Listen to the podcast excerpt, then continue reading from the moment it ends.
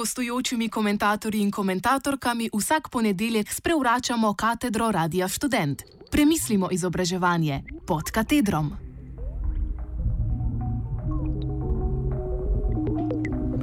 Nekaj o šolninah.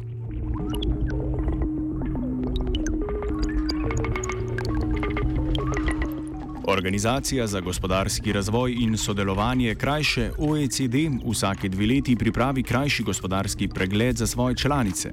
Glavni cilj organizacije je izdajanje priporočil za izboljšanje državne ekonomije, ki bodo dvignila gospodarsko rast in posledično tudi življenjski standard ljudi. Najprej si poglejmo nekaj ugotovitev o Sloveniji. Letošnje poročilo o Sloveniji je precej spodbudno, saj nam za letošnje leto napoveduje zabeleženje 4,5 odstotne gospodarske rasti. Prav tako sta se začela zmanjševati fiskalni primankljaj in stopnja brezposobnosti.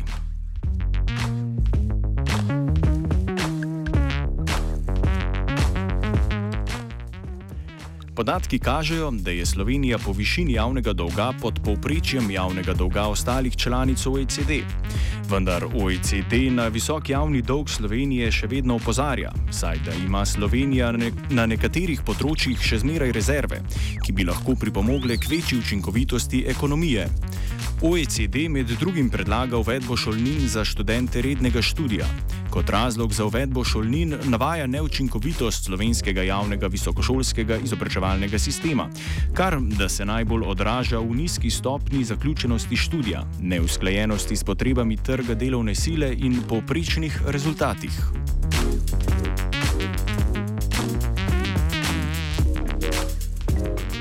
Uvedba šolnin bi po predlogih OECD prišla v paketu z urejenimi mehanizmi štipendij in študentskih posojil za študente iz socialno šipkejših družin, ki bi jih bilo treba po koncu študija seveda vrniti.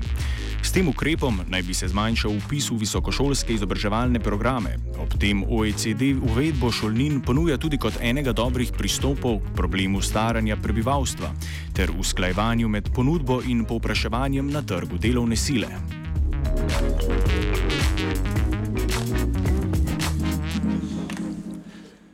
Po zadnjih podatkih je med delodajalci 80 odstotkov povpraševanja po kadrih z največ peto stopnjo izobrazbe. Z drugimi besedami, iščejo ljudi s končano gimnazijo ali srednjo tehniško oziroma strokovno šolo. Največje povpraševanje je po delavcih za upravljanje nizkoplačenih in fizično zahtevnih del. To so vozniki težkih tovornjakov, prodajalci, varilci, zidarji, čistilke, varnostniki in podobni. V Sloveniji pa se 48 odstotkov mladih starih od 19 do 24 let upisuje v više in visokošolske študijske programe. Ekonomisti ustrajno trdijo, da bi z uvedbo šolnin zmanjšali upis na više in visokošolske študijske programe in s tem ugodili potrebam na trgu delovne sile.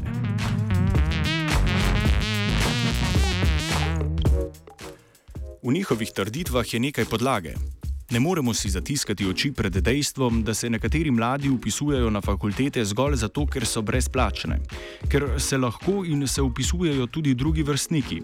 Študentski status jim omogoča tudi zdravstveno zavarovanje in delo prek študentske napotnice. Nezainteresiranost mladih za resen študij se v Sloveniji kaže v številu študentov, ki so diplomirali v roku. Na Filozofski fakulteti Univerze v Ljubljani je v lanskem študijskem letu v roku diplomiralo zgolj 8. 28 odstotkov študentov. Druge fakultete tega podatka še ne razkrivajo. Ministrstvo za izobraževanje, znanost in šport pa že pripravlja analitično orodje, ki bo točno povedalo, koliko ljudi pri nas doštudira v roku. Program naj bi že bil v zaključni fazi, zato lahko pričakujemo, da bodo podatki na voljo že konec leta.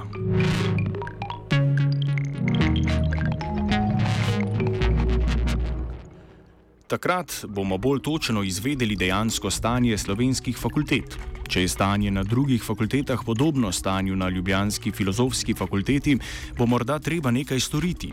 S tem ne namigujemo na uvedbo klasičnih šolnin. Obstajajo tudi alternativne možnosti, ki bi izboljšale stanje na slovenskih univerzah.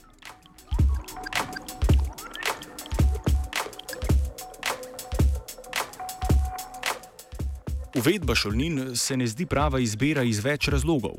Izkušnje drugih držav kažejo, da se z uveljavitvijo ali povečanjem šolnin upis v više in visokošolske študijske programe ni zmanjšal. V Veliki Britaniji se je celo povečal.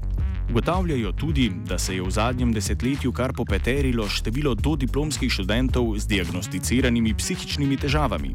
Povečalo se je tudi število samomorov med študenti, ki so največkrat posledica stresa oziroma pritiska zaradi finančnega dolga. V Nemčiji ugotavljajo, da odkar so uvedli šolnine, študentje manjkajo na predavanjih, saj morajo delati, da lahko poravnajo stroške šolanja.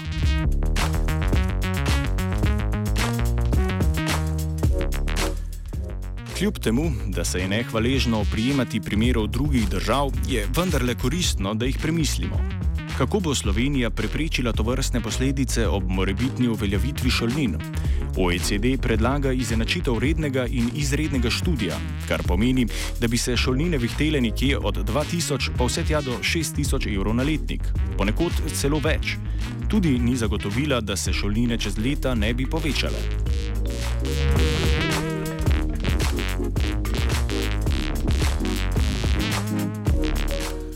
Študentsko življenje bi postalo precej bolj stresno. Strah pred neuspehom bi pestil predvsem študente iz socialno šipkejših družin, ki si paca letnika enostavno ne bi mogli privoščiti. Povedano z drugimi besedami, šolnin ti ni težko uvesti, če si sam že končal brezplačen študij. Sploh, če si gospodarstvenik in gledaš, kaj je najboljše za trg. Ne vprašaš pa se, kako bo to vplivalo na študente.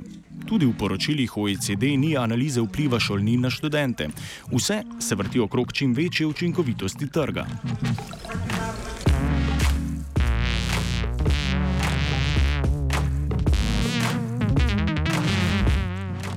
Obstaja pa kopica alternativnih možnosti, kako povečati učinkovitost slovenskega višjega in visokošolskega izobraževalnega sistema. Ne začne in ne konča se vse z uvedbo šolnin. Da bi študente bolj spodbudili k študiju, bi lahko denimo znižali število izpitnih rokov iz petih na dva ali tri. Nekateri predlagajo šolnine za študente, ki obveznosti ne upravijo v predvidenem roku, a te ne bi smele biti previsoke. Spet tretji, enoletno prepoved ponovnega upisa, če nisi opravil letnika.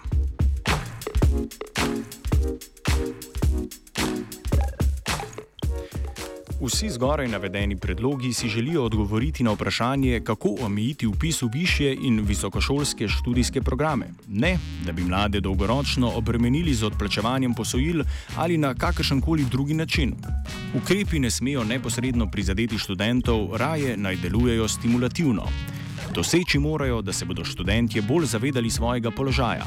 S to vrstnimi ukrepi bi Slovenija lahko zmanjšala upis na višje in visokošolske študijske programe.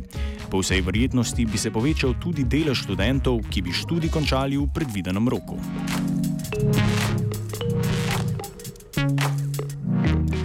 Vseeno pa se za priporočilom OECD v oziroma o uvedbi šolnin skriva nekaj več. Ne moremo mimo občutka, da želi neoliberalna politika OECD spremeniti države, kot je naprimer Slovenija, v države tretjega sveta s ceneno delovno silo. Doseči želi čim manjšo stopno izobraženih ljudi, oziroma da bodo izobraženi ljudje iz Slovenije odšli v tujino, kjer se bosta za njih cedila med in mleko. S politikami, ki radikalno privilegirajo trg, se napoveduje vojna temeljnim znanostim, ki so osnova aplikativnih.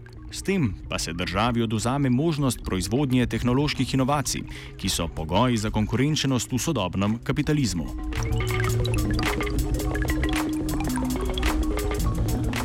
Proti šolninam se bori dejan.